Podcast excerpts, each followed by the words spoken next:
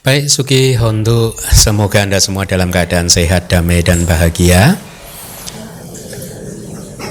Ya, kita bertemu kembali di semester baru kelas yang pertama ya. Uh, setelah dua bulan libur ya lebih ya, dua bulan sekitar plus minus, agak kurang lama dikit sih. uh, ya, kita akan mempelajari suta yang baru. Sebelum atau sambil menunggu yang lain untuk menempatkan diri, saya ingin menyampaikan sesuatu yang sering menjadi perenungan saya sejak bertahun-tahun yang lalu bahkan sejak sebelum menjadi biku waktu masih tinggal di hutan di Jawa Timur ya. E, menjadi seorang pertapa sering kali saya merenungkan tentang kehidupan. Intinya kenapa manusia itu nasibnya berbeda-beda? Itu adalah pertanyaan pertama atau pertanyaan awal saya yang membuat saya terus berjalan menemukan uh, jalan spiritual sampai hari ini.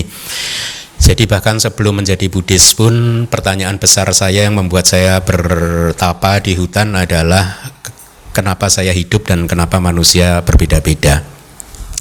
Beberapa minggu atau beberapa hari yang lalu ada seseorang yang menyampaikan kepada saya tentang satu seorang pertapa yang kalau saya tidak salah seseorang uh, saya juga tidak membaca beritanya ya uh, jadi dia memberikan link tetapi saya hanya membaca judulnya dan dia berkomentar begini. Jadi intinya ada se seseorang bertapa selama 20 tahun gitu. Dan komentar dari yang memberikan kepada saya kalau nggak salah 20 tahun komentarnya dia memberikan caption seperti ini. Seandainya saja dia bertemu dengan biku yang baik atau seorang guru meditasi yang baik, so biku yang baik, dia minimal udah bisa jadi sotapana kali ya Bante gitu. Uh, dia mem-highlight good point, strong point ya bahwa yang saya menduga orang tersebut meskipun bertapa 20 tahun tapi tidak mencapai apa-apa.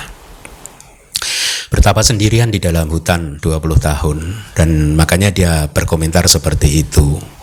Saya waktu itu langsung uh, teringat pada kontempla apa perenungan saya sejak awal yang tadi saya katakan di hutan Jawa Timur. Dan segera saya jawab dengan satu perkataan dari Seado yang berbentuk uh, puisi sebenarnya Intinya puisinya itu kira-kira begini. Sasanang punya wato punya watala bare. Na punyang nak garawanci Pagan hitung ma nak wisaya. Artinya Sasana ini Ajaran Buddha ini Labare Ditemukan sendiri Oleh banyak wata Oleh seorang yang punya kebajikan Bodhisatwa adalah seorang yang mempunyai kebajikan. Sudah banyak melakukan kebajikan bahkan kenyataannya paraminya udah penuh.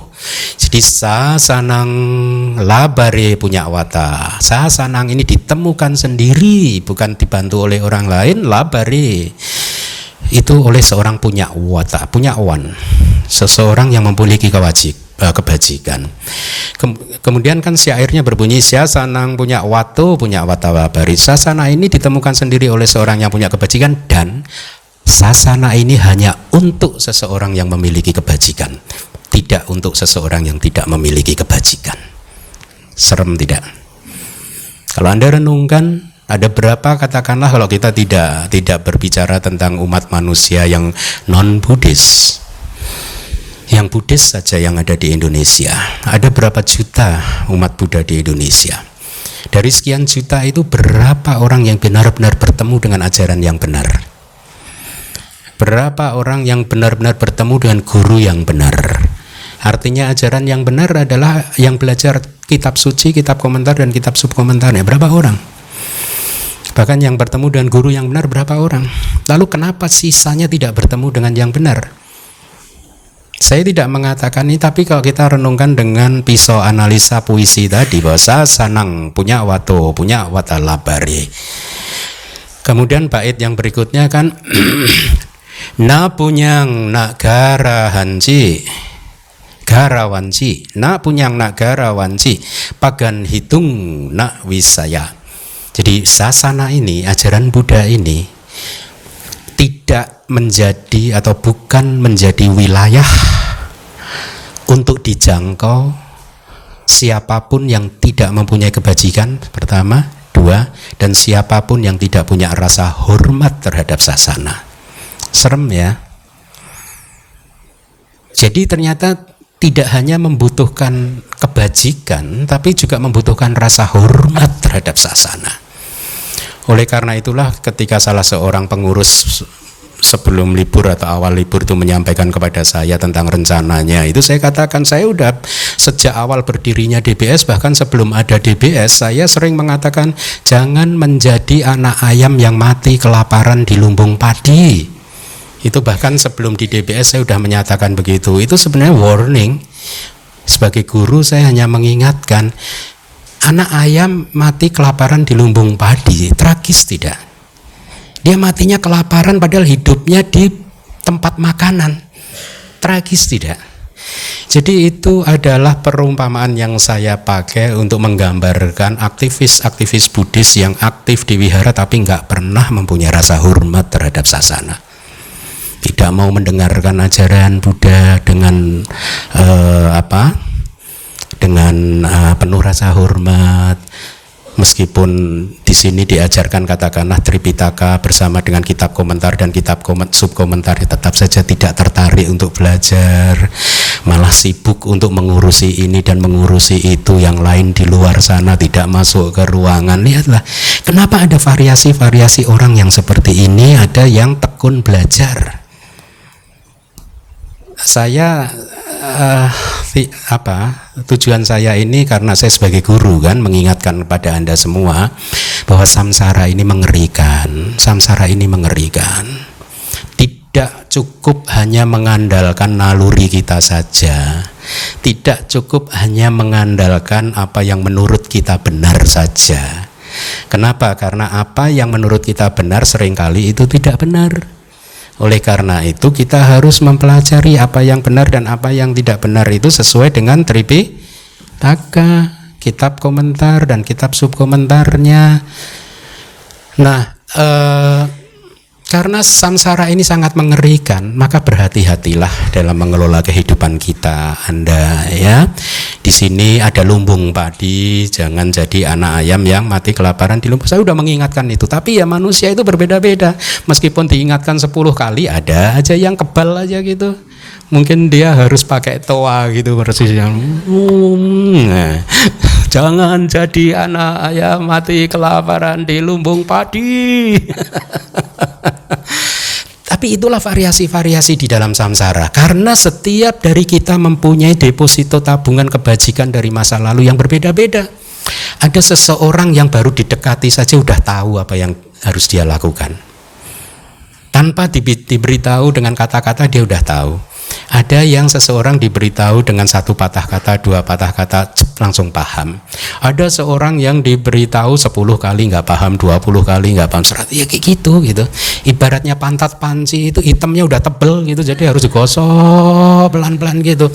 Nah apa pun ini warning dari saya ini terutama buat aktivis di dalam DBS. Saya udah mengingatkan ini puluhan kali. Jangan jadi anak ayam mati kelaparan di lumbung padi. Jadilah aktivis yang benar-benar belajar pariyati dan juga berlatih pati-pati. Jangan malah ngurusin manajemen, ngurusin ini, ngurusin itu, malah tidak punya rasa hormat terhadap sasana. Ya, jadi ini buat semuanya saja gitu. Karena kalau Anda tidak mempunyai rasa hormat terhadap sasana, puisi tadi itu mengerikan dan itu fakta loh. Fakta, saya sudah memberikan tadi kan contoh misalkan gambaran di Indonesia ada berapa juta, kemudian berapa persen yang benar-benar bertemu dengan ajaran yang benar, ya toh? Kemudian ya banyaklah variasinya kita lihat sekeliling kita itu perbedaannya banyak sekali. Oleh karena itu supaya kita tidak menjadi seseorang yang tidak bisa bertemu dengan sasana, maka kita harus apa tadi? Satu, lakukan kebajikan, dua memiliki rasa hormat terhadap sasana ya. E, itu prolog yang ingin saya sampaikan. Nah, kita masuk ke materi. Sutta ini adalah seperti biasa menurut saya semua suta itu menarik. Ya termasuk misalkan ini hati-hati buat yang belajar abidama. Hati-hati. Ya kita belajar abidama terus tapi jangan sampai tidak menghormati suta. Ya. Tetap saja semua Tripitaka itu sama gitu ya. Kita harus mengembangkan rasa hormat juga. Nah, suta ini berasal dari Majjhima Nikaya. Suta nomor 22 bahasa palinya judulnya adalah Alagat Du Pama Suta terdiri dari berarti tiga kata itu Alagada plus upama plus suta. Suta itu saya terjemahkan menjadi khotbah saja. Banyak arti dari suta. Tapi khotbah dalam konteks ini juga sesuai. Upama itu adalah perumpamaan. Alagada alagada itu ular. Uh, kamus Pali Inggris tertentu menerjemahkan ala gada itu sebagai ular biasa ya uh, hanya ular begitu saja. Tetapi sebenarnya ala gada ya tidak hanya ular biasa saja tapi ini secara spesifik adalah ular air. Makanya ala gadu pemaksuta adalah suta khotbah tentang upama tentang perumpamaan ala gada yaitu ular air ya. Sutanya agak panjang. Saya akan minta petugas untuk membaca sekali lagi ya meskipun ini agak panjang renungkanlah dan kembangkan rasa hormat karena suta ini sudah saya terjemahkan semaksimal mungkin supaya sesuai dengan bahasa palinya. Artinya ini adalah juga kata-kata Buddha sedekat mungkin ini adalah kata-kata uh, Buddha ya sebagian besar yang di awal itu adalah kata-kata yang Arya Ananda. Jadi Anda renungkan, Anda bayangkan seolah-olah yang Arya Ananda sedang menceritakannya kepada Anda secara langsung ya. Uh, petugasnya Saya telah mendengar demikian. Pada suatu waktu Begawan tinggal di Sawati di hutan Jeta, taman milik anak Kapindika. Pada waktu itu, pandangan salah yang jahat yang berikut ini telah muncul pada seorang biku yang bernama Aritha, yang sebelumnya adalah seorang pembunuh burung bangkai. Jadi lihat seorang biku juga punya pandangan salah, makanya tadi saya katakan jangan percaya pada pandangan kita sendiri. Ya, makanya saya juga beruntung mendapat kesempatan kepada Anda bisa mengajar sesuai dengan kitab.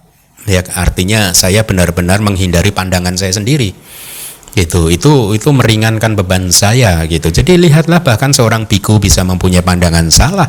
Dan itulah mengapa kembali lagi tadi malam saya menyampaikan di kelas abidama saya sangat mengapresiasi tradisi sangga yang mewajibkan semua anggota sangganya untuk belajar itu jadi itu itu adalah satu keputusan yang bijaksana.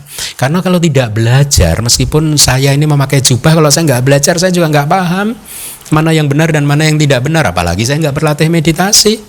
Kalau hanya mengandalkan pikiran saya saja kita ini kan sering kan ditipu oleh pikiran saya kita sendiri kan? Ya. Makanya uh, belajarlah Tripitaka dari kitab komentar dan subkomentarnya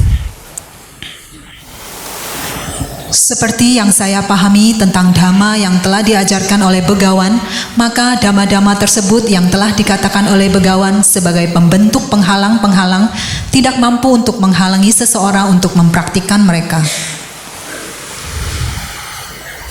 Hmm? Banyak biku yang telah mendengarnya berkata demikian. Pandangan salah yang jahat yang berikut ini telah muncul pada seorang biku yang bernama Aritha yang sebelumnya adalah seorang pembunuh burung pemakan-pemakan bangkai. Sejauh saya memahami dhamma yang telah diajarkan oleh begawan, maka dhamma-dhamma tersebut yang telah dikatakan oleh begawan sebagai pembentuk penghalang-penghalang tidak mampu untuk menghalangi seseorang yang mempraktikkan mereka. Jadi biku ini menuruti kata hatinya sendiri. Begawan Buddha sudah menentukan bahwa kepuasan sensual itu adalah halangan. Terus in, B ini adalah halangan. Tapi dia nggak percaya gitu itu maksudnya ya. Jadi menurut dia enggak lah bukanlah gitu. Jadi dia merak, menolak kata-kata Buddha. Makanya hati-hati gitu ya. Nanti akan anda lihat bahwa biku Arita ini terhalang nggak bisa mencapai pembebasan. Karena dia tidak punya rasa hormat kan ya Kemudian biku-biku tersebut mendekati tempat di mana biku Aritha yang sebelumnya adalah seorang pembunuh burung yang pemakan-pemakan bangkai berada.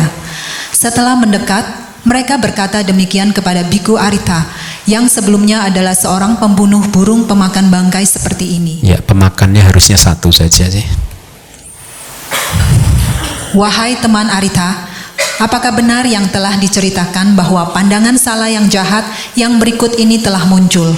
Seperti yang saya pahami tentang dhamma yang telah diajarkan oleh begawan, dalam cara apa pun dhamma-dhamma tersebut yang telah dikatakan oleh begawan sebagai pembentuk penghalang-penghalang tidak mampu untuk menghalangi seseorang yang mempraktikkan mereka.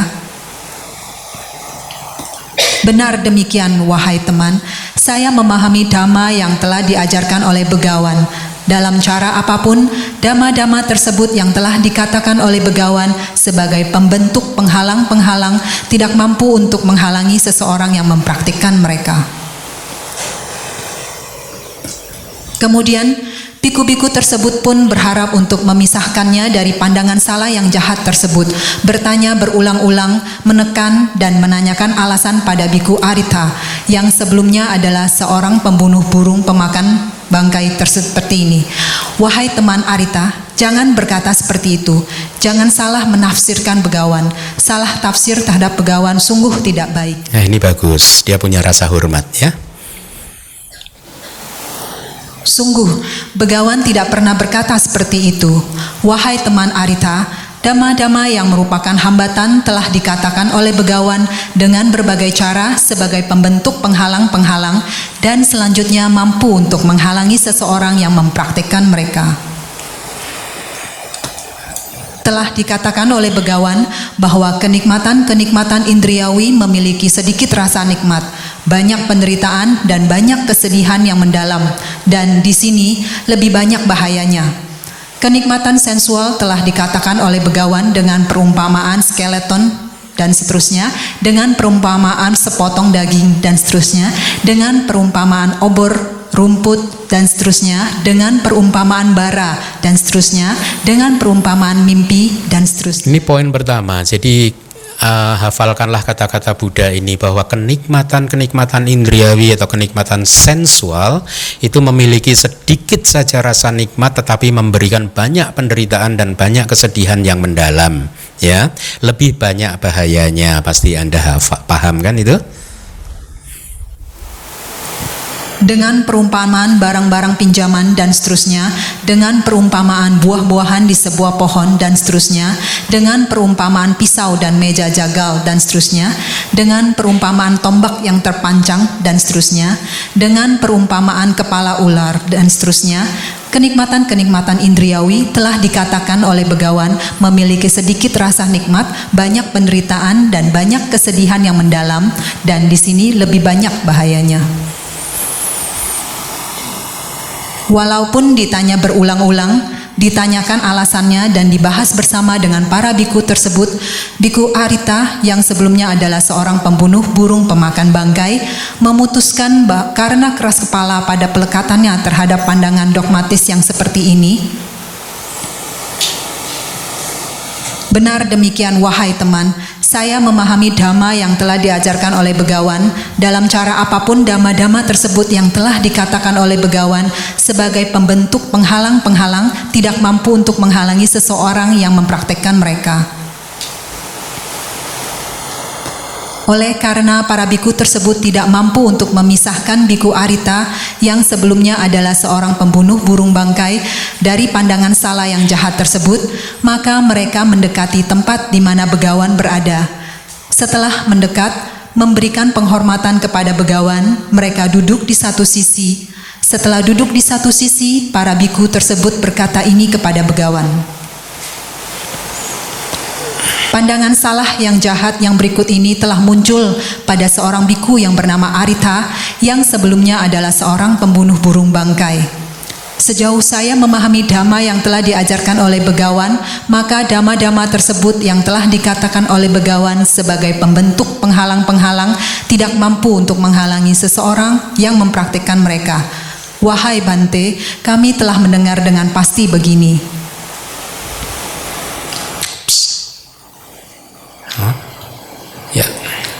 Kemudian, wahai Bante, kami mendekati tempat di mana Biku Arita yang sebelumnya adalah seorang pembunuh burung bangkai berada.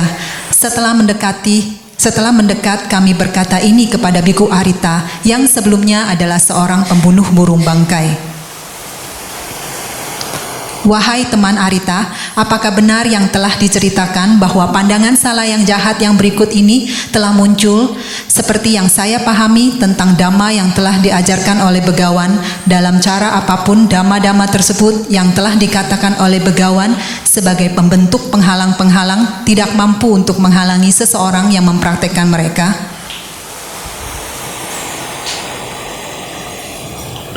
Ketika hal tersebut telah disampaikan demikian, wahai Bante, Biku Arita yang sebelumnya adalah seorang pembunuh burung bangkai berkata ini kepada kami.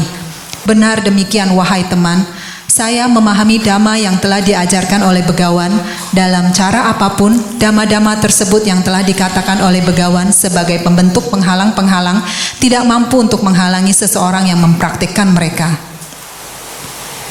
Kemudian, wahai Bante, kami berharap untuk memisahkannya dari pandangan salah yang jahat tersebut.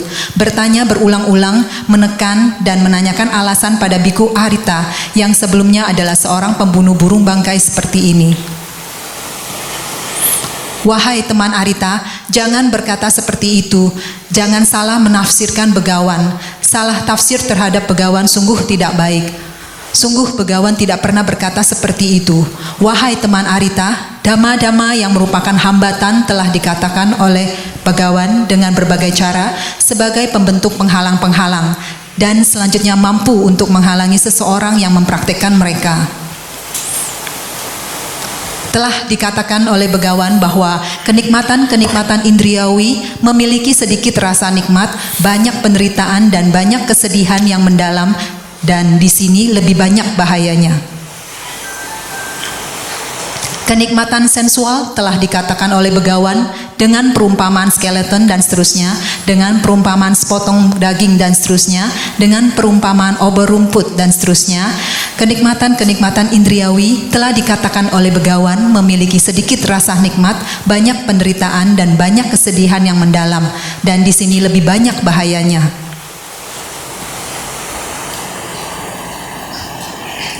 Walaupun ditanya berulang-ulang, ditanyakan alasannya dan dibahas bersama dengan para biku tersebut, biku Arita yang sebelumnya adalah seorang pembunuh burung bangkai memutuskan dengan keras kepala pada pelekatannya terhadap pandangan dogmatis yang seperti ini. Benar demikian wahai teman, saya memahami dhamma yang telah diajarkan oleh begawan. Dalam cara apa pun, dhamma-dhamma tersebut yang telah dikatakan oleh begawan sebagai pembentuk penghalang-penghalang tidak mampu untuk menghalangi seseorang yang mempraktikkan mereka.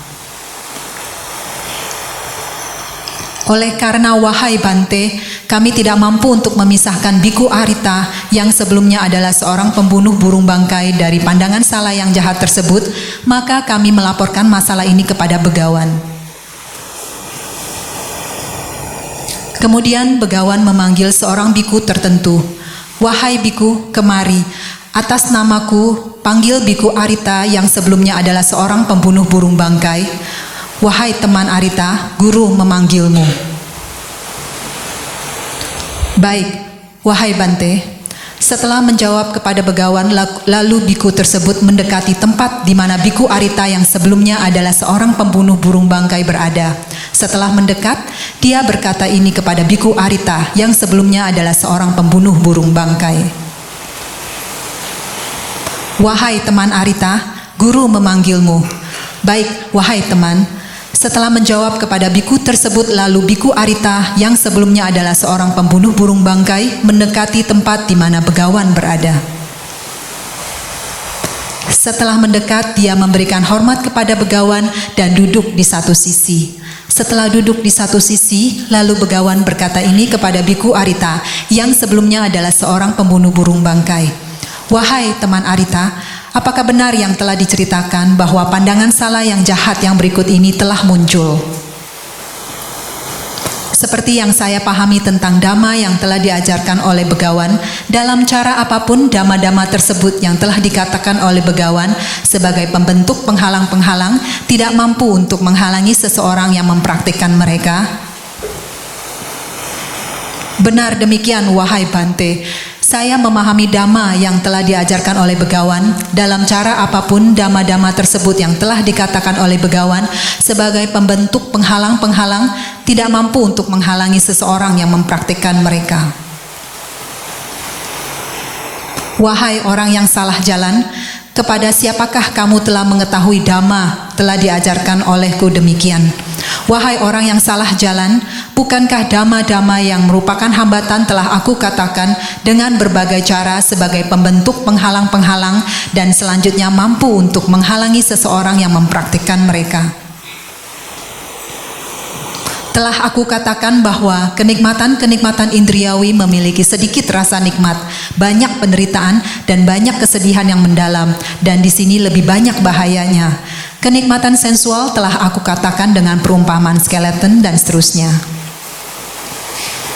Banyak penderitaan dan banyak kesedihan yang mendalam, dan di sini lebih banyak bahayanya. Akan tetapi kamu, wahai orang yang salah jalan, dengan pemahaman kelirumu, telah salah menafsirkan kami, menghancurkan dirimu sendiri, dan telah mengakumulasi banyak ketidakbajikan. Oleh karena wahai orang yang salah jalan, hal tersebut akan membawa ke keadaan celaka dan penderitaanmu untuk jangka waktu yang panjang. Iya, di sini Buddha memanggil Arita sebagai orang yang salah jalan. Ini sebenarnya terjemahan yang lembut kata beliau yang asli bahasa palinya adalah moga purisa. Moga purisa itu berarti laki-laki yang moga. Moga itu useless. Seorang laki-laki yang udah nggak bermanfaat gitu istilahnya, agak kasar, agak keras, tapi itulah kata ini. Jadi biasanya dipakai oleh Buddha untuk seseorang yang kayak tadi perumpamaan yang pantat panci hitamnya tebal tadi itu udah sulit untuk diberitahu, sulit untuk dikembalikan ke jalan yang benar begitu. Tapi tentu saja ketika Buddha menggunakan kata useless uh, man itu laki-laki yang udah nggak bermanfaat itu dia tidak mengatakannya dengan kemarahan kan? Karena Buddha kan sudah tidak memiliki kemarahan. Jadi beliau hanya menyampaikan sesuatu yang apa adanya begitu. Ya Ya seperti tadi pagi yang umat yang dana makan pagi kepada saya tidak bermaksud menyamakan diri saya dengan budaya, tapi kadang kita itu harus bicara apa adanya. Tadi pagi ada umat yang berdana makan pagi kemudian berbicara tentang kelas bahasa Pali sulit Bante lalu saya jawab waduh kalau buku Pali primer aja Anda nggak bisa maka nggak ada harapan untuk memahami bahasa Pali. karena ya saya saya mengatakan yang sebenarnya gitu kalau yang buku ini aja nggak paham akan sulit gitu nggak ada harapan gitu untuk bisa menguasainya gitu.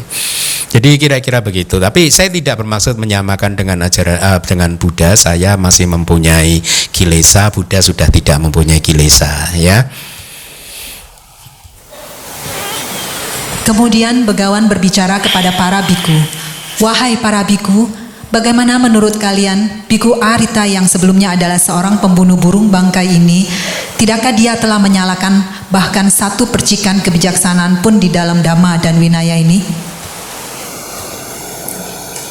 Bagaimana mungkin, wahai Bante? Sudah pasti tidak, wahai Bante. Ketika hal tersebut telah dikatakan, Biku Arita yang sebelumnya adalah seorang pembunuh burung bangkai duduk terdiam, tertunduk lesu, bahu terkulai, menundukkan kepala, menyesal dan bingung. Kemudian, mengetahui keadaan tersebut, Begawan berkata ini kepada Biku Arita yang sebelumnya adalah seorang pembunuh burung bangkai. Wahai orang yang salah jalan, Moga Purisa, kamu akan dikenal sebagai orang dengan pandangan salah yang jahat milikmu sendiri. Sekarang aku akan menanyakannya kepada para biku. Kemudian Begawan berkata kepada para biku, Wahai para biku, apakah kamu memahami dhamma yang diajarkan olehku seperti biku Harita yang sebelumnya adalah seorang pembunuh burung bangkai, salah menafsirkan kami dengan pemahaman kelirunya sendiri, menghancurkan dirinya sendiri dan telah mengakumulasi banyak ketidakbajikan? Sudah pasti tidak, wahai Bante, oleh karena dengan berbagai cara, dama-dama yang merupakan hambatan telah dikatakan oleh begawan sebagai pembentuk penghalang-penghalang dan selanjutnya mampu untuk menghalangi seseorang yang mempraktikkan mereka. Begawan telah mengatakan bahwa kenikmatan-kenikmatan indriawi memiliki sedikit rasa nikmat, banyak penderitaan dan banyak kesedihan yang mendalam, dan di sini lebih banyak bahayanya. Kenikmatan sensual telah Begawan katakan dengan perumpamaan skeleton dan seterusnya dengan perumpamaan kepala ular dan seterusnya. Kenikmatan-kenikmatan indriawi telah dikatakan oleh begawan memiliki sedikit rasa nikmat, banyak penderitaan dan banyak kesedihan yang mendalam dan di sini lebih banyak bahayanya. Bagus, bagus wahai para biku, Sungguh bagus kalian memahami dhamma yang telah diajarkan olehku demikian. Oleh karena, wahai para biku, dhamma-dhamma yang merupakan hambatan telah aku katakan dengan berbagai cara sebagai pembentuk penghalang-penghalang dan selanjutnya mampu untuk menghalangi seseorang yang mempraktekkan mereka. Telah aku katakan bahwa Kenikmatan-kenikmatan indriawi memiliki sedikit rasa nikmat, banyak penderitaan, dan banyak kesedihan yang mendalam, dan di sini lebih banyak bahayanya. Ya. Kenikmatan sensual telah aku katakan dengan perumpamaan skeleton dan seterusnya. Baik, karena sutanya panjang, saya rasa kita hentikan dulu saja sampai di sini ya. Kita lihat kitab komentar dan kitab subkomentarnya ya. Uh, jadi Ups. Maaf. Uh, ya, slide-nya panjang sekali.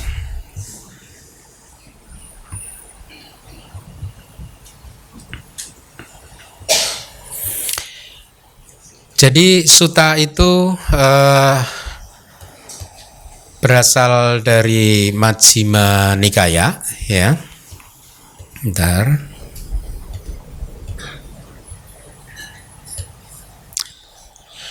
Tadi di awal ada kalimat ewang me sutang demikianlah yang telah saya dengar itu artinya beliau yang Arya Ananda telah mendengar apa yang kemudian disebut sebagai alagadu pama suta gitu ya.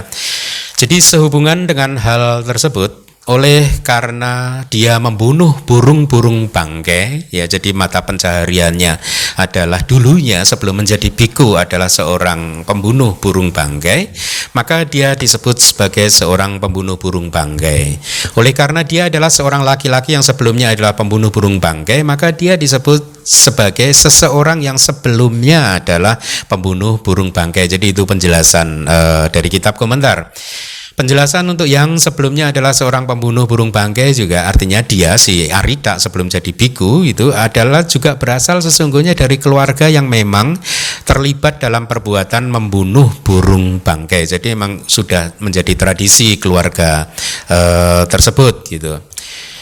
Kemudian tadi ada kata pembentuk penghalang-penghalang bahasa palinya harusnya antara yika, pembentuk penghalang-penghalang ya disebut sebagai pembentuk penghalang karena mereka penghalang-penghalang tersebut menciptakan halangan untuk kelahiran di surga dan pembebasan. Jadi hati-hati, ada perbuatan-perbuatan kita tertentu yang apabila kita lakukan akan menghalangi kita untuk lahir di surga dan juga untuk mencapai pembebasan mencapai maga dan pala.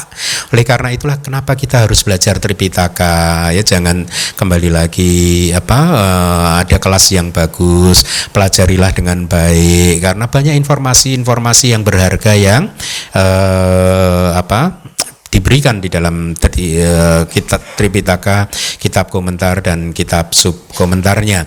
Jadi itu definisi untuk pembentuk penghalang karena dia membentuk atau menciptakan halangan untuk seseorang supaya tidak bisa atau menghalangi kelahiran dia di surga dan juga menghalangi pembebasan dia gitu. Lima macam dhamma pembentuk penghalang. Nah, ini bagus untuk Anda hafalkan. Itu ada bahasa palinya antara yika. Ya, lima macam penghalang yaitu yang pertama kama. Jadi sekali lagi kalau Anda hanya membaca sutanya, Anda nggak tahu karena sutanya kan tadi hanya mengatakan ada dama-dama yang membentuk penghalang. Udah seperti itu aja. Nah kalau Anda menolak kitab komentar lalu Anda bagaimana memahami penghalang itu apa? Nah sekarang dari kitab komentar kita tahu Oh lima macam dhamma penghalang itu. Yang pertama adalah kama Ikuti saya. Kama. Yang kedua adalah kilesa, Yang ketiga adalah resultan Atau wipaka. Yang keempat adalah penghinaan. Yang kelima adalah pelanggaran perintah Lalu apa itu maksudnya? Kalau nggak ada penjelasan lebih lanjut, kita akhirnya beropini lagi, ya. Nah, kitab komentar menjelaskan lebih jauh lagi masing-masing dari itu, yaitu ikuti sekali lagi kama, kilesa, resultan, penghinaan, dan pelanggaran perintah. Penjelasannya adalah demikian. Yang disebut kama sebagai penghalang adalah kama sebagai penghalang adalah lima dhamma yang kecil. Panca anantarya kama, panca anantarya dhamma atau panca nantarya kama. Apa saja panca nantarya kama ada yang tahu? Hmm? Macu gataka, pitu gataka, membunuh ibu kandung, membunuh ayah kandung, arahan tak gataka, membunuh seorang arahat, lohitu padaka, lohitu padaka itu apa? Pembuat darah keluar dari tubuh Buddha. Melukai Buddha. Bahasa palinya sebenarnya lohitu padaka. Padaka itu ya seseorang yang mengeluarkan darah dari Buddha, tapi harus dengan evil intention, dengan niat yang jahat. Ya, karena dokter Jiwaka itu dulu waktu Buddha sakit, dokter Jiwaka mengoperasi Buddha.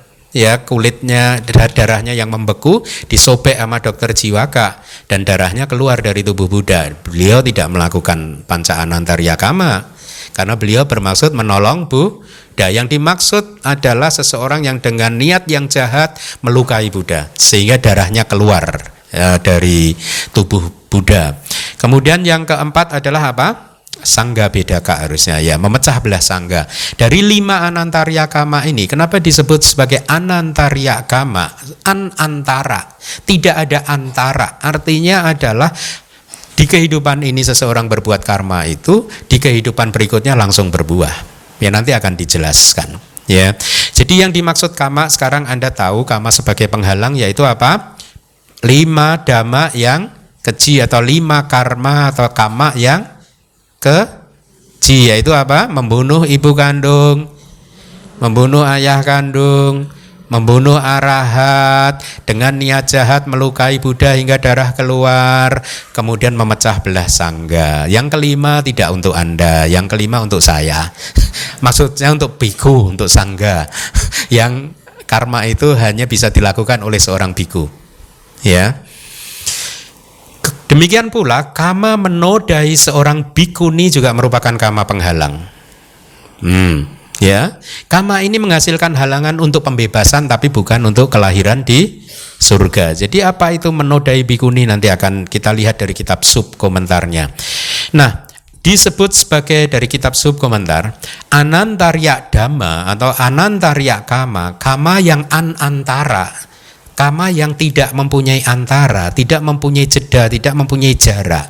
Itu artinya adalah buah dari karma tersebut tanpa antara yaitu kehendak yang memiliki sifat alamiah sebagai anantarya sebagai uh, sesuatu yang memberikan efek kama yang memberikan efek tanpa antara. Jadi artinya kama dan buahnya tidak disela oleh apa pun, tidak diselingi oleh apa pun. Apa itu maksudnya? Artinya diperbuat di saat ini dan langsung berbuah di kehidupan setelah saat ini. Kitab sub komentar memberikan penjelasan yang lebih akurat lagi. Kamaan antaria adalah bahwa buahnya langsung muncul mengikuti cuti cita. Nah ini akurat sekali. Jadi artinya kalau Anda nggak paham abidama, cuti cita itu adalah kesadaran terakhir di satu kehidupan. Ketika seseorang meninggal dunia, maka kesadaran terakhir itu disebut sebagai cuti cita, kesadaran kematian. Nah, buah dari anantarya kama ini adalah begitu kesadaran kematian lenyap, langsung muncul kesadaran pati sandi. Pati sandi itu buah kama. Patik sandi itu adalah kesadaran penyambung kelahiran kembali atau kesadaran pertama di setiap kehidupan. Jadi kayak di kehidupan kita sekarang sebagai manusia saat ini, dulu waktu kita memasuki kandungan mamah kita, pertama kali kesadaran yang muncul disebut sebagai patik sandi cita atau kesadaran penyambung kelahiran kembali. Sesuai dengan namanya kesadaran ini adalah menyambung dua kehidupan. Antara kehidupan kita sebelumnya dan kehidupan kita yang saat ini disambung oleh kesadaran tersebut. Padik Sandi Winyana atau Padik Sandi Cita. Nah kitab subkomentar definisinya sangat bagus. Jadi kama anantarya kama atau pak kama tanpa antara itu buahnya langsung mengikuti kesadaran kematian tanpa jeda. Gitu ya nah eh, dalam model yang lebih akurat juga contohnya adalah kemunculan pala cita yang mengikuti maga cita. Itu bagi yang mereka memahami abidama kesadaran buah yang mengikuti kesadaran jalan. Jadi kama sebagai penghambat.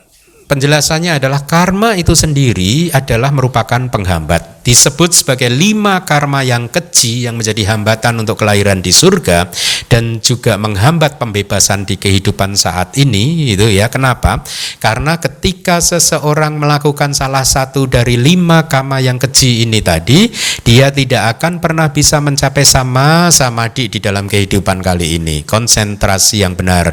Dia tidak akan pernah bisa mencapai jana di kehidupan yang kali ini karena dia tidak bisa mencapai sama-sama di di dalam kehidupan ini maka dia tidak bisa memenuhi jalan mulia berunsur delapan karena hanya dengan jalan mulia berunsur delapan yang sudah penuh saja maka maga dan pala atau pencerahan itu muncul kalau Anda hanya mampu, seseorang hanya mampu memunculkan jalan mulia berunsur tujuh, maka pencerahan tidak muncul. Ya, jadi penjelasan penjelasannya seperti itu berdampak pada ketidakmampuan dia untuk mencapai nibana. Ya, nah di poin yang kedua tadi ada kalimat menodai seorang bikuni. Bahasa palinya bikuni dusaka ya yaitu seseorang yang menodai atau penoda bikuni, perayu bikuni. Maka hati-hati Anda. Jangan sekali-sekali. Kita di sini ada bikuni lah. Perayu bikuni atau di dalam kitab penjelasan disebut uh, lebih ekstrim lagi pemerkosa bikuni gitu ya. Tapi mereka yang melakukan kama penghalang seperti ini, kama itu hanya menghalangi dia untuk tidak uh, menghalangi kelahiran di surga saja, ya. Uh, sorry sorry, dia masih bisa lahir di surga tapi tidak bisa mencapai pembebasan, itu ya. Uh, Disebutkan kenapa seperti itu karena orang tersebut secara alamiah mempunyai perilaku yang salah artinya adalah dia tidak bisa menjadi penjaga dhamma untuk para bikuni gitu. Kemudian penghalang yang kedua adalah kilesa. Apa itu kilesa sebagai pembentuk penghalang? Yaitu pandangan salah dengan nasib yang pasti gitu. Pandangan salah dengan nasib yang pasti itu adalah pandangan salah yang seseorang yang meyakini tidak ada sebab dari segala sesuatu ya. Atau seseorang juga yang kedua yang percaya bahwa e, tidak ada perbuatan yang bisa menghasilkan buah itu tidak ada apa pun yang telah mencapai keadaan yang pasti. Artinya e, jadi ada tiga mereka tidak meyakini sebab, mereka tidak meyakini perbuatan dan tidak ada apa pun, tidak ada sebab, tidak ada akibat yang sudah mencapai keadaan yang pasti. Artinya apa? Dia tidak melepas pandangan yang salah tersebut di akhir kehidupannya. Karena kalau di akhir kehidupannya, detik-detik terakhir dia menyadari kesalahannya, kemudian dia melepaskan pandangan salah tersebut, maka dia pandangan salah yang diyakini seumur hidupnya dan dilepas di akhir kehidupan tersebut tidak tidak menjadi anantarya kama, tidak menjadi kama yang langsung berbuah. Ya, dia terbebas dari kama tersebut.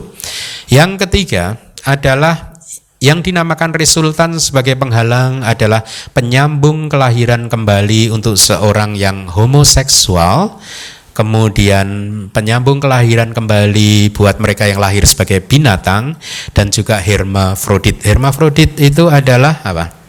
Bu dokter dua ini ya dua kelamin ya katanya ada loh di zaman sekarang ya Ya, saya ini kemarin bahkan di Indonesia katanya ada, ada yang memberi informasi kepada saya.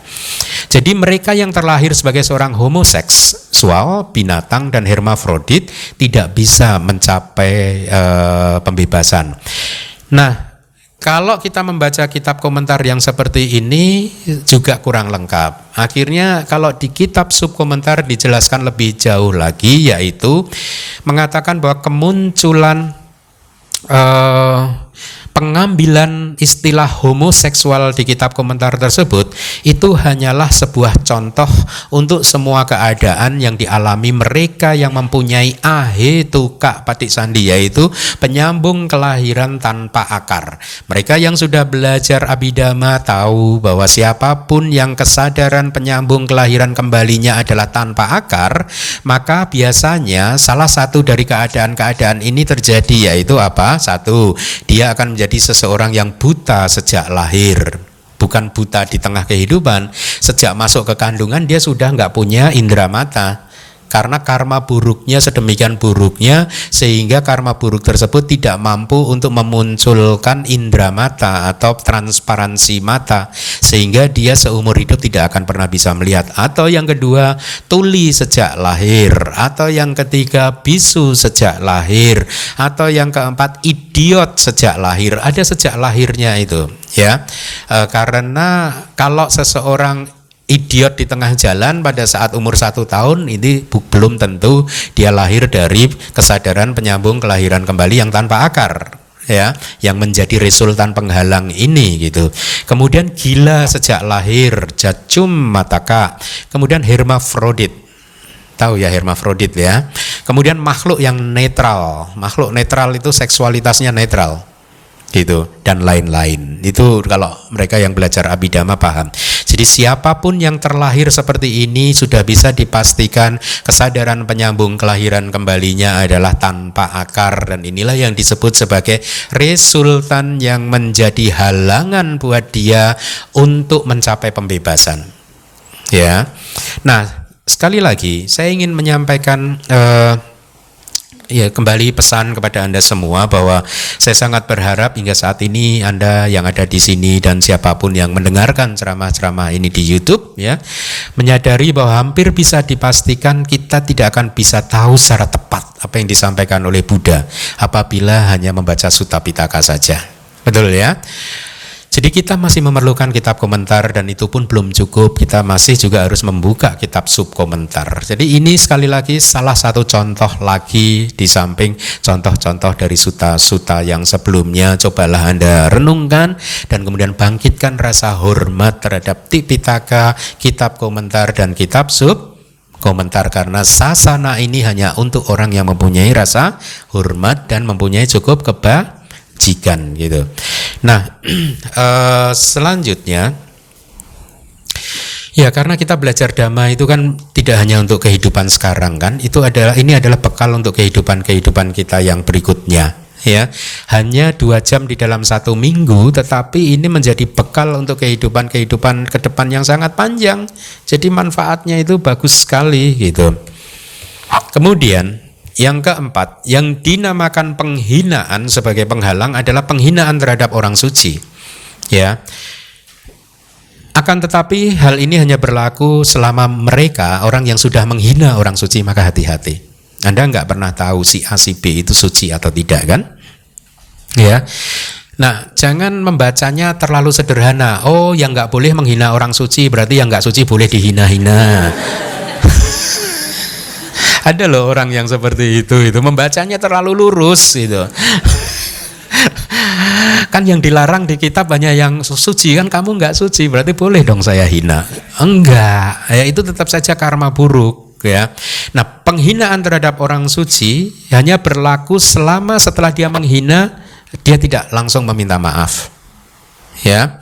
Eh, kalau dia meminta maaf seketika ya maka dia tidak menjadi penghalang. Itu itu penjelasannya. Kemudian yang kelima, yang dinamakan pelanggaran perintah sebagai pembentuk penghalang adalah tujuh kelompok pelanggaran. Nah ini untuk biku, ya. Ya sekali lagi uh, itu pun yang nomor lima ini uh, selama seorang biku mengakui kesalahannya uh, maka dia terbebas dari penghalang itu gitu. Jadi yang Pelanggaran nomor lima yang menjadi penghalang adalah apabila seorang biku melanggar, kemudian dia menyembunyikannya, dia tidak mengakuinya, gitu, e, secara terbuka bahwa dia sudah melakukan pelanggaran-pelanggaran tertentu, gitu.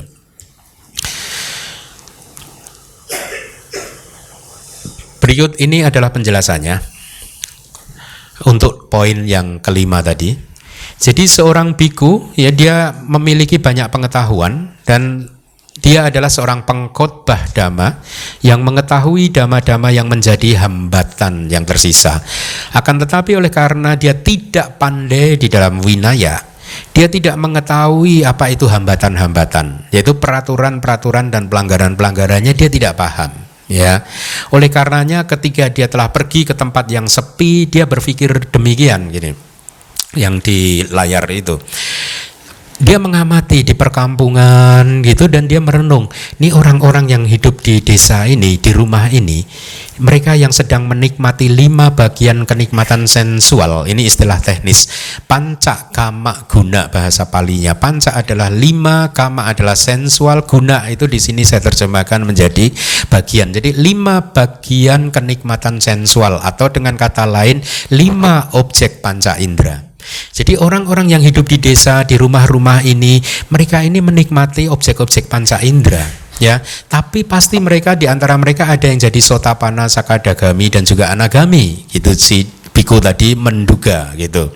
Menggunakan uh, kecerdasannya untuk berpikir yang seperti itu. Dan dia terjebak oleh kecerdasannya sendiri gitu jadi para biku pun juga melihat objek-objek bentuk yang menawan, objek mata yang menawan, ya, objek suara yang menyenangkan hati seperti lagu dan lain sebagainya, ya, dan melalui kesadaran mata, kesadaran telinga, ya, dan seterusnya gitu. Jadi kembali lagi biku ini menggunakan logikanya. Tapi karena dia kurang pengetahuan, ya, dan itulah mengapa seorang biku harus berpengetahuan. Anda pun juga harus berpengetahuan, ya uh, dia merenungkan seperti itu. Menyentuh objek-objek sentuhan yang menawan yang dikenali oleh kesadaran tubuh. Orang di desa menikmati spray tahu ya spray ya? Mantel dan lain-lain yang lembut. Hal tersebut semuanya pantas dan di, atau diperbolehkan untuk mereka. Lalu mengapa itu semua tidak diperbolehkan untuk saya? Paham maksudnya logika dia. Loh ini orang desa ini kan juga bisa mencapai pencerahan.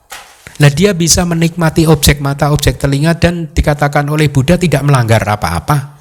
Kenapa saya dikatakan melanggar kalau menikmati hal yang sama sedangkan orang desa itu bisa mencapai tingkat kesucian? Kenapa kalau saya menikmati hal yang sama saya nggak bisa mencapai tingkat kesucian? Zaman sekarang ada yang berpikir seperti itu. Saya pernah bertemu dengan orang-orang yang berpikir seperti itu.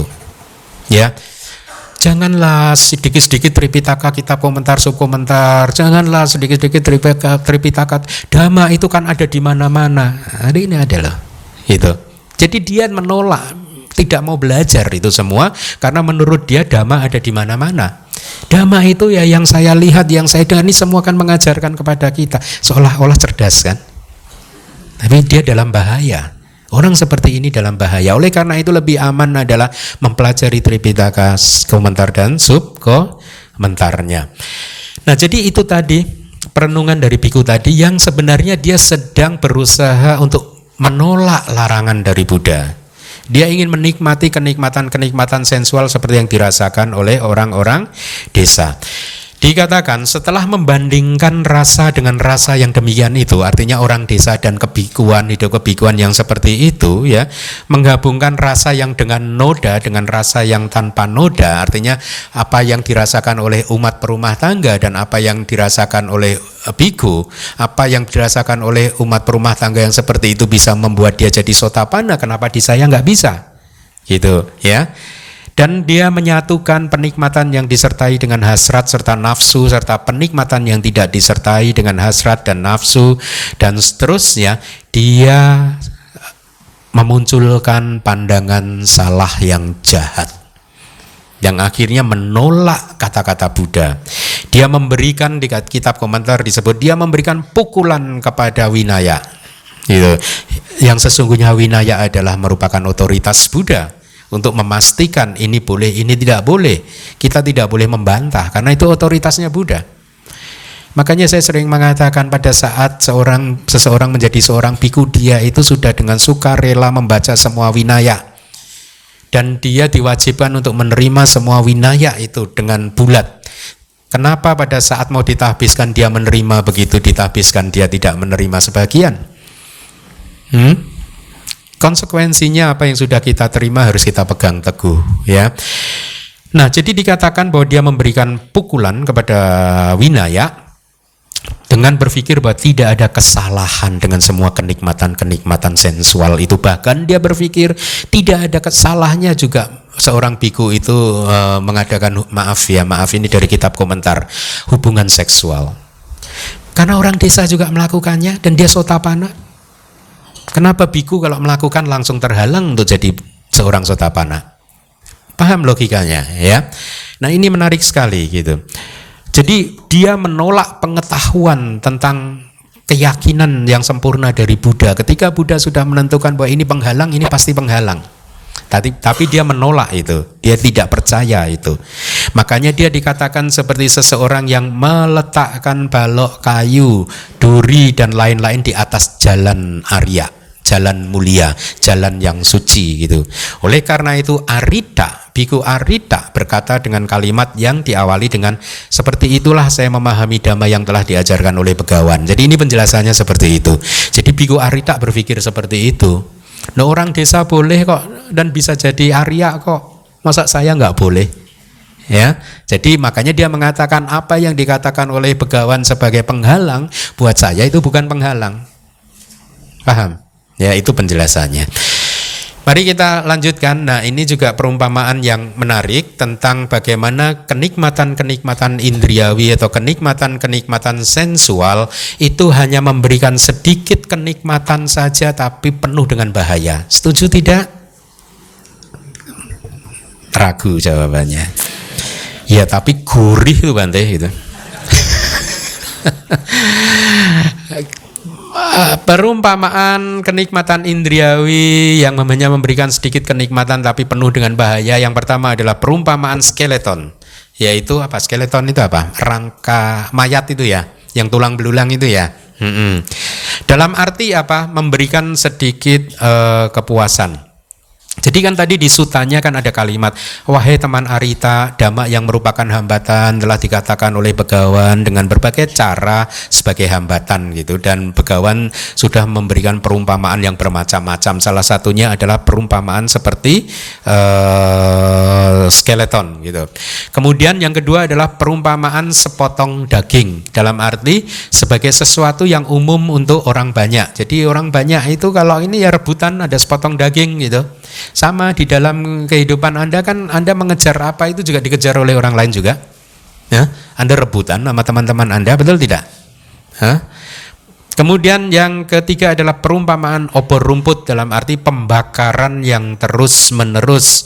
Kitab subkomentar memberikan penjelasan pembakaran yang terus menerus dalam arti pembakaran yang terus menerus karena merupakan praktek yang salah baik untuk kehidupan sekarang maupun kehidupan yang akan datang. Artinya apa? Bahwa menikmati kenikmatan-kenikmatan sensual di kehidupan saat ini itu adalah praktek yang salah dan sampai kapan pun di kehidupan mana pun itu juga adalah praktek yang salah itu yang dimaksud dengan pembakaran yang terus menerus gitu. Kemudian perumpamaan yang berikutnya adalah perumpamaan bara dalam arti amat sangat panas gitu karena sifatnya yang benar-benar membakar begitu. Ya, tinggal Anda renungkan benar atau tidak sih? Kalau Anda kan umat perumah tangga ini kan sering mengejar kenikmatan-kenikmatan sensual kan? Ya karena Anda terekspos di dunia luar.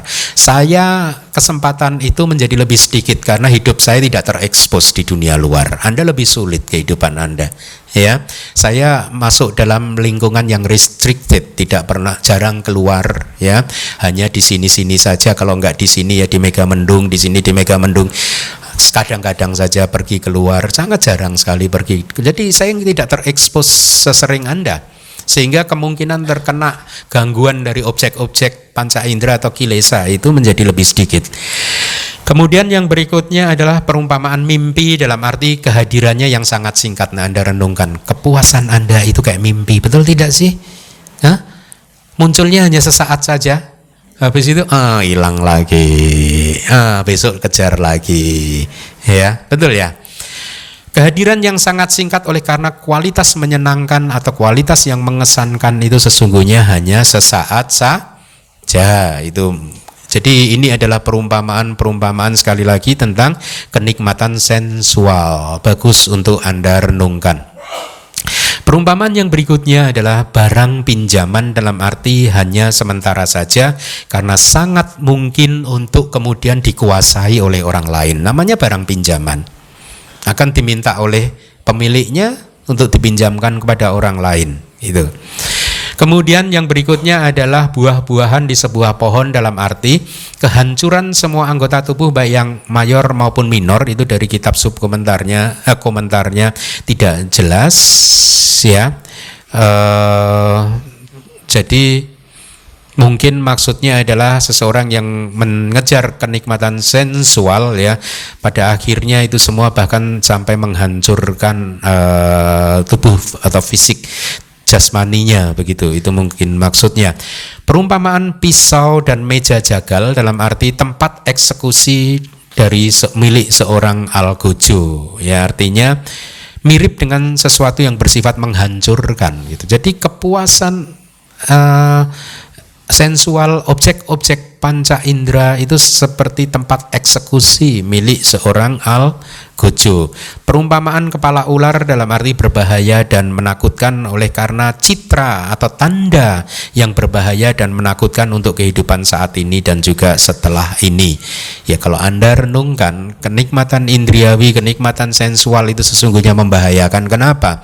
Karena begitu Anda menikmati kenikmatan-kenikmatan tersebut yang menikmati adalah pikiran Anda yang muncul disertai dengan kilesa, keserakahan, nafsu keinginan, nafsu nafsu indriawi yang lainnya itu semua kilesa dan itu adalah karma buruk yang hanya akan membuahkan hasil yang buruk gitu. Jadi itu maksudnya. Uh, beberapa berapa banyak orang yang stres atau depresi terluka seumur hidupnya hanya karena dia gagal memahami bahwa kenikmatan sensual itu sifatnya sementara sesuai dengan perumpamaan-perumpamaan yang tadi dan hanya memberikan sedikit kepuasan saja sehingga mereka rela bahkan maaf untuk membunuh dirinya sendiri. Hmm? Seandainya saja orang-orang seperti ini paham dhamma, pasti daya tahan dia, kebijaksanaan dia akan lebih besar, lebih meningkat lagi, ya. Makanya itulah pentingnya dhamma. Mari kita lanjutkan. Keras kepala. Jadi uh, walaupun ditanya berulang-ulang gitu kan tadi Arita ditanya berulang-ulang ditanyakan alasannya apa gitu dan dibahas bersama dengan para biku tersebut ya Biku Arita itu tetap dengan keras kepala pada pendiriannya terhadap pandangan dogmatis yang seperti ini. Benar demikian wahai teman, saya memahami dhamma yang telah diajarkan oleh Begawan dengan cara apa pun dhamma-dhamma tersebut yang telah dikatakan oleh Begawan sebagai hambatan tidak mampu untuk menghalangi seseorang yang mempraktekkan mereka gitu. Jadi keras kepala artinya di layar Anda lihat bersih keras dengan pandangan atau teorinya. Pemegangan artinya dia memegang pandangan salahnya tersebut. Pandangan dogmatis dia bersikeras dalam mengungkapkan dan menjelaskan pandangannya. Gitu. Jadi eh, dia bahkan di kitab komentar dijelaskan waktu dia bersikeras menjelaskan pandangannya, dia bersikeras dengan mengatakan hanya ini saja kebenaran di sini. Idam meweda tatanti. Hanya ini saja kebenaran di sini. Jadi ini merupakan variasi dari satu kalimat yang sering dikuat oleh guru-guru dhamma yang lain sebagai idam mewa sacang mogang anyang. Hanya ini saja yang benar, yang lainnya salah.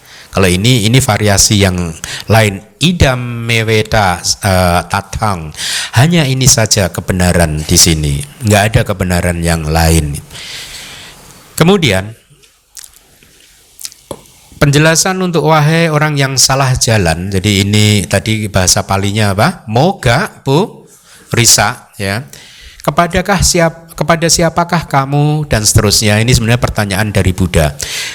Wahai orang yang salah jalan, Artinya Buddha bertanya kepada kesatria yang mana, kepada brahmana yang mana, wesa yang mana, suda yang mana.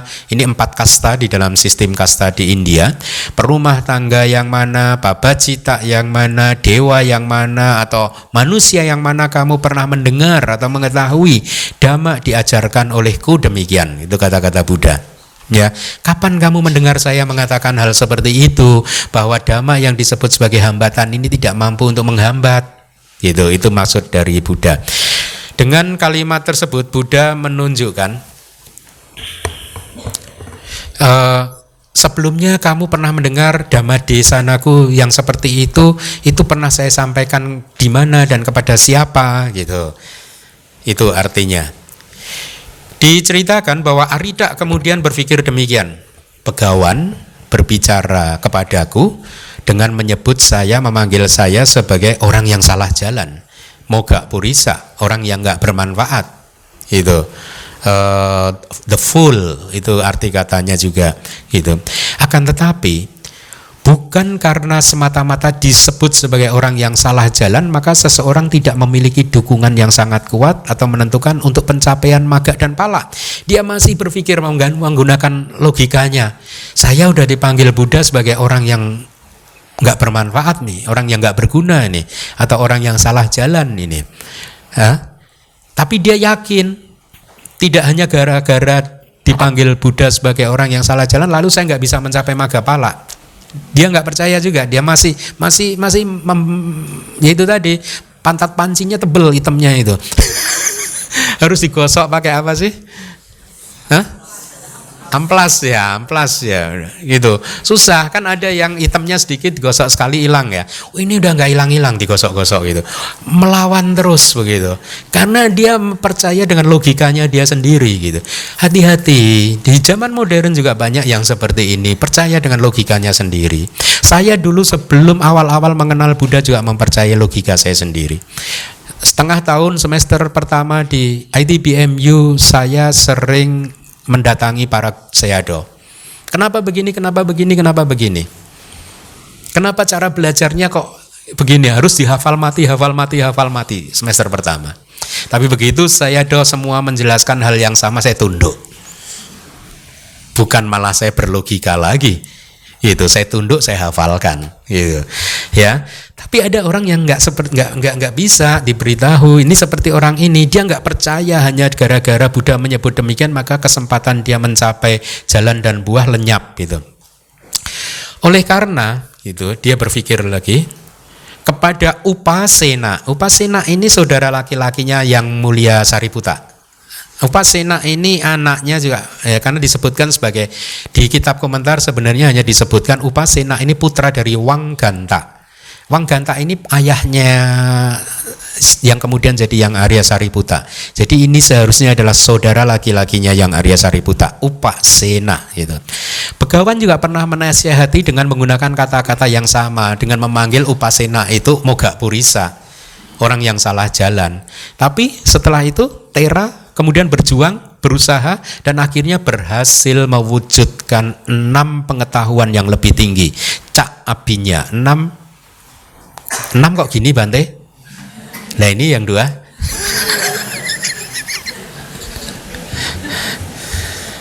Jadi dia berpikir begitu. Wang uh, siapa Upasena juga dipanggil begitu, dia bisa mencapai merealisasi enam abinya maka saya pun pasti bisa begitu. Itu pikirannya si Biku Arita. Selanjutnya saya ini kan uh, untuk Anda mungkin pengetahuan Anda ini berasal dari sumber yang lain. Enam abinya yang pertama adalah ikuti saya Idi Wida. Berbagai jenis kesaktian. Yang kedua adalah Diba Sota. Telinga dewa cetok paria nyana pengetahuan tentang pikiran orang lain jadi dia bisa membaca pikiran orang lain beliau ya Yang keempat adalah pube niwasa anusati nyana. Pengetahuan tentang pengamatan terhadap kehidupan lampau.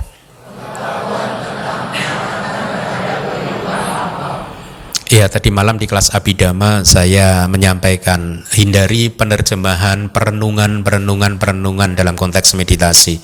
Karena ternyata yang dimaksud dari kata palinya itu tidak berma, tidak berarti perenungan, tetapi pengamatan yang berulang-ulang.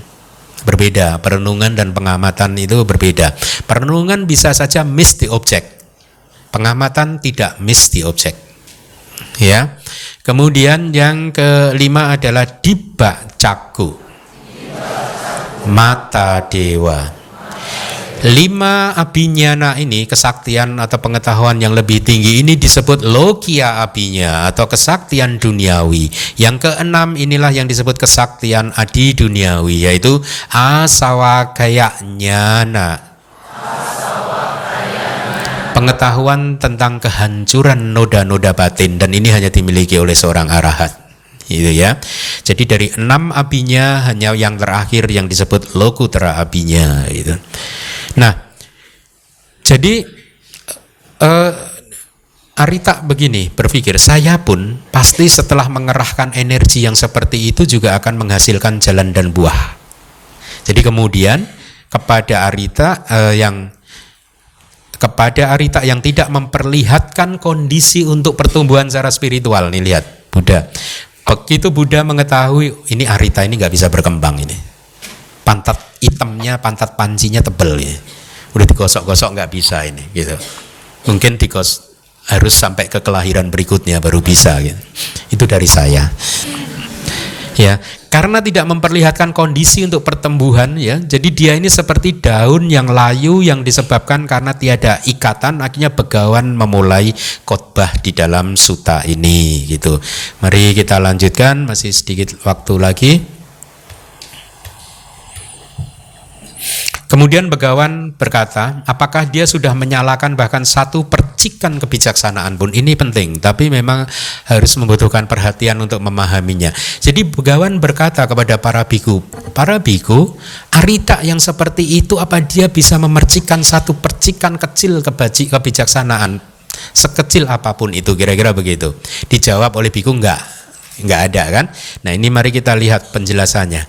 Wahai para biku, kalian bayangkan apakah Arita yang telah memiliki pandangan salah yang demikian itu setelah berlawanan dengan pengetahuan kemahatauan dan pengetahuan tentang kepercayaan diri dari Tathagata atau Buddha yang sedang memberikan pukulan kepada otoritas Dhamma Tathagata, pukulan kepada Winaya akan menyalakan mampu menyalakan bahkan satu percikan kebijaksanaan pun di dalam Dhamma dan Winaya. Maksudnya kalau dia mampu menyalakan satu percikan, api ini akan bisa membesar dan dia bisa mencapai pencerahan. Tapi dia tidak bisa, ya jadi katakan ini hanya per, kayak simbol ya, gitu. Kitab subkomentar menjelaskan percikan itu berasal dari ya istilahnya agak romantis, kehangatan yang dibuat oleh kebijaksanaan. Jadi kebijaksanaannya itu bisa memunculkan kehangatan sehingga akhirnya bisa menyalakan api kebijaksanaan yang besar untuk kemudian mencapai pembebasan. Ya, percikan kebijaksanaan di dalam kitab subkomentar disebutkan sebagai embrio untuk pati weda di atak bawah itu bahasanya. Jadi embrio, embrio untuk penembusan empat kebenaran mulia, embrio untuk pencerahan di atak bawah. Atak bawah itu personalitas di satu kehidupan ini. Jadi kalau Anda mempunyai percikan kebijaksanaan saat ini, maka inilah embrio pencerahan Anda di kehidupan saat ini. Gitu. Nah, di sini sedang diceritakan bahwa Biku Arita tidak mempunyai percikan kebijaksanaan itu di kehidupannya saat ini. Dijelaskan lagi di kitab sub komentar seperti halnya ketika kobaran api yang sangat besar telah padam, maka percikan apinya yang hanya seukuran kunang-kunang semata, apa pun itu yang bersandar padanya akan menjadi kobaran api yang besar. Paham maksudnya ya? Kalau ada percikan api sedikit, maka apa pun yang ini dikatakan ini akan berkobar menjadi api yang besar. Itu maksudnya gitu. Ya. Uh, Kemudian apakah sekarang kehangatan kebijaksanaan kalau Anda yang suka bahasa Pali kehangatan kebijaksanaannya itu kebijaksanaan itu bahasa Palinya nyanusma nyana usma nyan usma gitu. Yang sedikit saja ada pada orang ini yang dikarenakannya seseorang yang sedang, sedang berjuang bisa melahirkan jalan dan buah. Jadi kembali lagi, sekali lagi Buddha sedang bertanya apakah Arita ini punya nyanusma tadi ya kehangatan kebijaksanaan ini dijawab oleh para biku sudah pasti tidak wahai Bante Penjelasannya adalah wahai Bante, untuk seseorang yang memiliki pandangan yang demikian itu, dari manakah kehangatan pengetahuan yang sedemikian rupa itu? Jadi di sini Arita dikatakan tidak memiliki kemungkinan untuk mencapai jalan dan buah di kehidupannya saat itu. Mereka yang menolak tersebut mengatakan kondisi percikan kebijaksanaan melalui kehangatan pengetahuanlah yang mampu untuk menjadi kondisi untuk jalan dan buah. Jadi para biku juga tahu bahwa jalan dan buah itu memerlukan kondisi persyaratan yaitu kehangatan kebijaksanaannya nusema tadi. Mereka mengatakan demikian dengan mempertimbangkan telah hancurnya pengetahuan dari Arita, nyana dari Arita. Di kitab kita, kalau kita mengatakan nyana, pengetahuan itu sering interchangeable dengan kebijaksanaan, panya. Berasal dari akar kata yang sama. Panya atau kebijaksanaan berasal dari akar kata nya. Nyana, pengetahuan juga berasal dari kata akar katanya. Jadi kalau kita mengatakan pengetahuan di sini juga berarti kebijaksanaan gitu. Kenapa dia pengetahuan atau kebijaksanaan dia telah hancur karena perilaku buruk dia. Maka hati-hati. Ya, hati-hati. Setelah demikian, eh, Arita menyadari ke keadaannya, dia tertunduk lesu. Arita merasa malu, tidak mampu untuk melihat wajah para biku. Bahunya terkulai, bahunya terjatuh. Itu kalau kitab subkomentar menjelaskannya. Dengan wajah dia melihat ke bawah bingung. Dia yang sedang merenungkan ketidakmampuan dirinya sendiri dan dikatakan di kitab komentar dia menggali bumi dengan menggunakan jari-jarinya. Jari kakinya gitu. Karena bingung kan? Jadi kayak meng apa? Uh, apa? Scratching.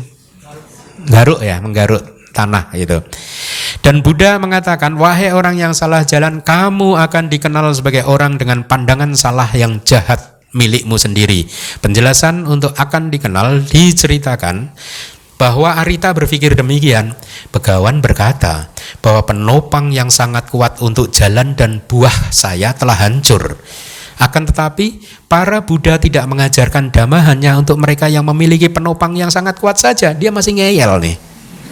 Huh?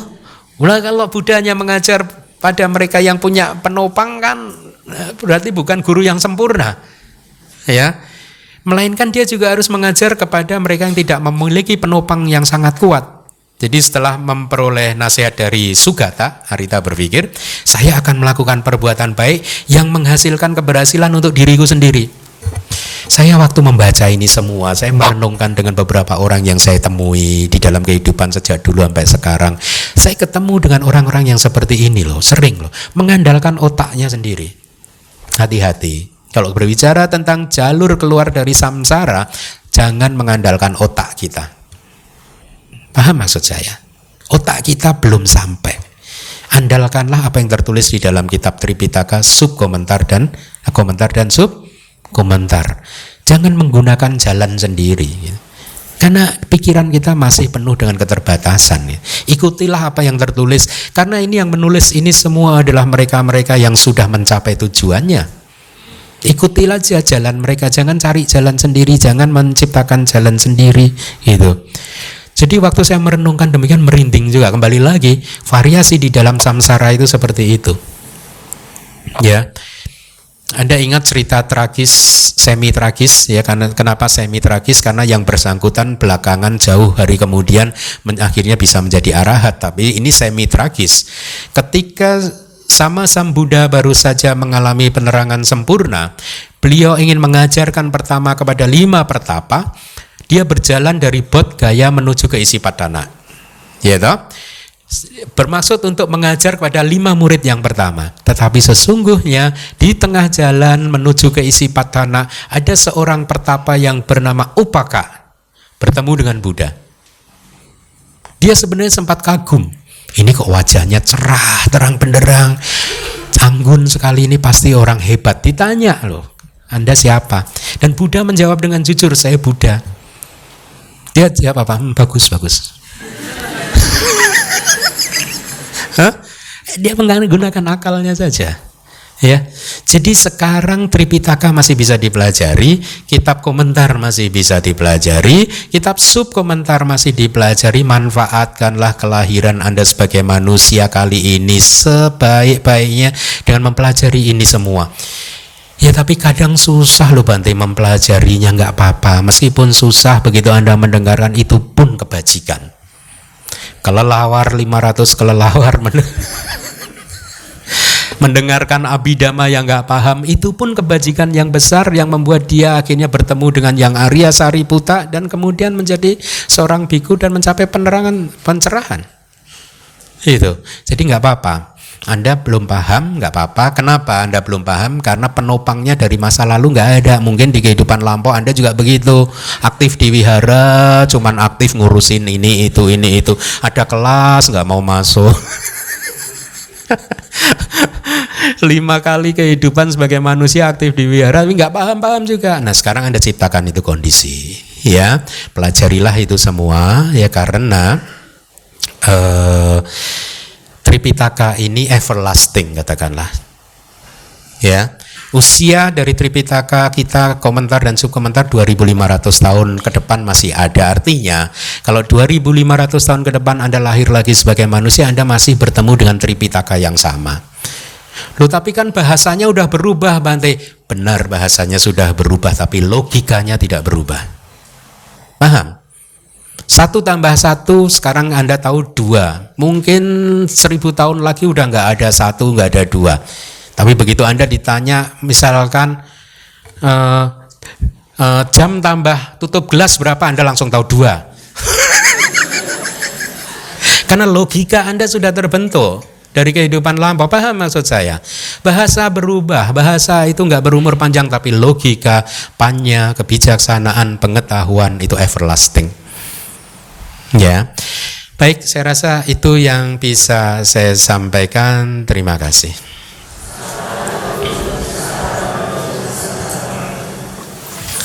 Ya, selamat siang Bante Keminda Sukihoto.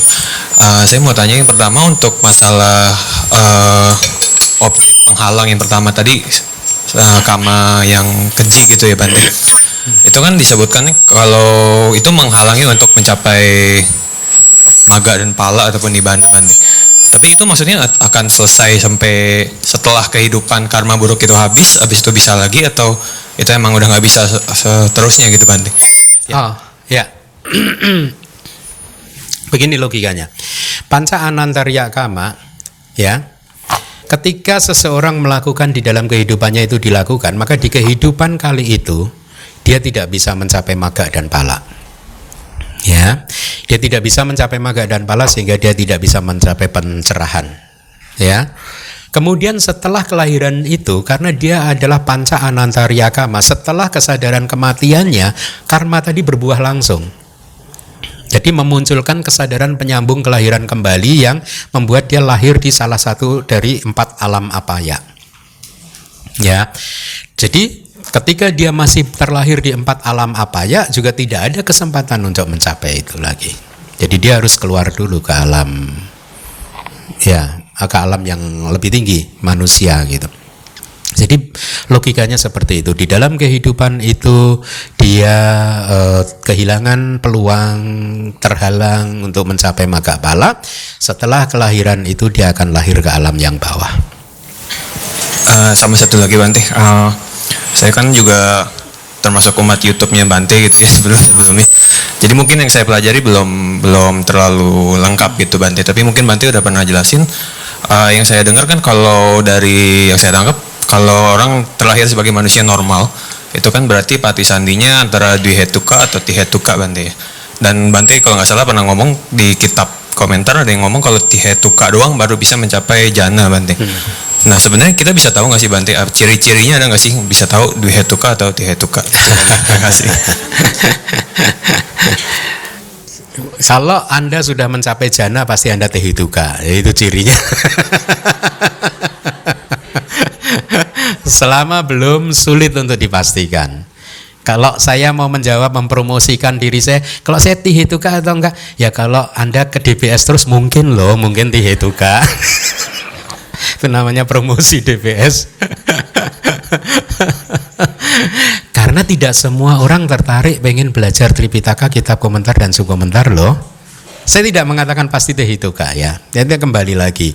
Udah jadi umat Buddha, nggak tertarik mempelajari kitab suci. Makanya kadang ya, mungkin anda tahu menjelang atau setelah Lebaran kemarin ada berita viral tentang keluarga saya ya. ya itu adik saya itu memang suka suka sensasi. uh, tahu nggak? Salah satu adik saya itu keluarga Muslim yang sangat taat. Mereka itu anak-anaknya itu mengaji loh. Mengaji itu mengaji Al-Quran, kitab suci. Anak-anaknya masih kecil-kecil gitu, itu sangat patuh belajar kitab sucinya. Jadi di agama Islam itu mengaji itu sangat ketat ya, tradisi umatnya mengaji seperti itu. Agama Katolik juga studi Alkitab kan, agama Kristen juga pelajaran Buddha ini loh. Buddha ini kalau bicara Tripitaka jangan dikit-dikit Tripitaka lah dhamma kan ada di mana-mana. Di mana-mana itu kitab suci kita. Ya jadi kadang saya merenung ini umat ini ini ada enggak ada yang luar biasa ini umat Buddha ini gitu. Ya. Ada yang luar biasa pada saat umat-umat agama lain mengkaji kitab sucinya, agama Buddha enggak loh. Enggak loh. Kita jujur saja deh. Mana gitu yang mengkaji kitab suci agama Buddha? Mana gitu? Dua juta umat Buddha di Indonesia itu berapa yang benar-benar kayak keluarga adik saya yang setiap hari mengaji loh. Mengaji itu membaca Al-Quran dengan melantunkannya. Itu keponakan-keponakan saya itu. Ya saya merenung kan. Eh, itulah hebatnya Islam itu. Wah umat Buddha karena apa yang kita lihat itu kitab suci, apa yang kita dengar ya. Akhirnya saya setiap hari melihat kitab suci kok, nggak perlu ngaji lagi udah. Come on, sadarlah, sadarlah itu. Kalau belajar kitab suci itu nggak perlu. Lalu kenapa kami para bante di Myanmar itu membanting, bekerja keras membanting tulang peras keringat untuk menghafal? Hmm, Makanya saya bilang kan waktu ada apa? Ada umat Indonesia yang mengatakan no kitab komentar dan kitab sub komentar itu bukan kata-kata Buddha. Congratulations. Orang umat Indonesia itu luar biasa loh. Pada saat semua biku seluruh dunia itu nggak tahu, hanya orang Jakarta loh yang tahu. Bahwa ini bukan ajaran Buddha gitu. Lah orang ya, ya kan di Indonesia gitu kan kitab komentar dan kitab subkomentar bukan ajaran Buddha, Abhidhamma bukan ajaran Buddha. Jadi diskonnya banyak. Kalau kita di Myanmar yang kalau kita bicara kitab suci itu artinya satu struktur dari Tripitaka, kitab komentar dan kitab subkomentar, satu susunan itu kitab suci. Tidak berhenti di Tripitaka saja. Karena mereka paham mana mungkin belajar Tripitaka saja tanpa komentar dan subkomentar makanya kalau anda berbicara dengan biku Myanmar berbicara tentang uh, scriptures kitab suci maka itu artinya logikanya mereka memahaminya kita sedang berbicara tentang kitab Tripitaka komentar dan subkomentar nah di Indonesia struktur ini didiskon terus Pertama di diskon kitab sub komentar dan komentarnya, cep di diskon. Akhirnya yang ada Tri Pitaka. Tri Pitaka diskon lagi, yaitu Abhidhamma Pitaka. Abhidhamma Pitaka kan didiskon kan. Kemudian Sutta Pitaka didiskon lagi. Yang ini adalah later development of Buddhism. Ini bukan dari Buddha, ini penambahan baru. Yang ini adalah yang sebagian kecil itu adalah dia membagi later development sama early Buddhism. early Buddhism jadi suta yang mengajarkan jalan mulia berunsur delapan empat kebenaran mulia paticca samupada inilah yang asli dari Buddha. Didiskon lagi kan tinggal berapa ini? Tinggal Vinaya Pitaka dan sebagian kecil dari suta Pitaka. Didiskon lagi Winaya Pitaka bukan punya saya. Kan saya umat berarti saya nggak perlu belajar Winaya Pitaka. Akhirnya dia belajar sedikit saja. Dengan menolak kitab komentar kan? Menolak kitab komentar suta yang sedikit tadi ya katakanlah Oga Tarana Suta. Oga Tarana Suta itu kalau dibaca hanya lima menit selesai ya ini orang nggak konsisten yang punya pendapat seperti ini menurut saya itu nggak konsekuen kenapa karena dia menolak kitab komentar dengan alasan itu bukan kata-kata Buddha tapi dia menerima kata-katanya sendiri yang juga pasti bukan kata-kata Buddha Ya, kenapa dia menerima kata-katanya sendiri? Karena kalau dia berceramah itu satu jam loh. Begitu dia berceramah satu jam, suta itu kalau dibaca ada yang hanya lima menit selesai. Lalu yang 55 menit bagaimana? Itu kata-katanya siapa? Masa begitu membaca suta kayak tadi petugas selesai 5 menit, baik kita masih mempunyai 55 menit, mari kita ini selama 55 menit ini mengatakan Buddha, Buddha, Buddha, Buddha, Buddha, Buddha, Buddha. Buddha. Jadi come on. Nah, mari kita galakkan pembelajaran Tipitaka, kitab komentar dan kitab sub komentar karena ini adalah unsur beragama kita. Makanya saya waktu melihat keluarga adik saya itu, aduh bagus sekali ya, anak kecil udah setiap sore mengaji loh. Hah? Saya nggak bisa men saya saya paham juga, tapi saya nggak berani ya nanti viral lagi.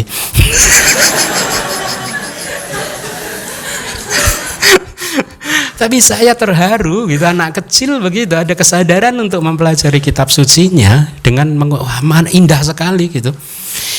Mari kita di Indonesia budayakan itu. Sebagai umat beragama Buddha, mari kita semua pelajari kitab Tipitaka sesuai kitab komentar dan kitab sub komentarnya. Baik, terima kasih.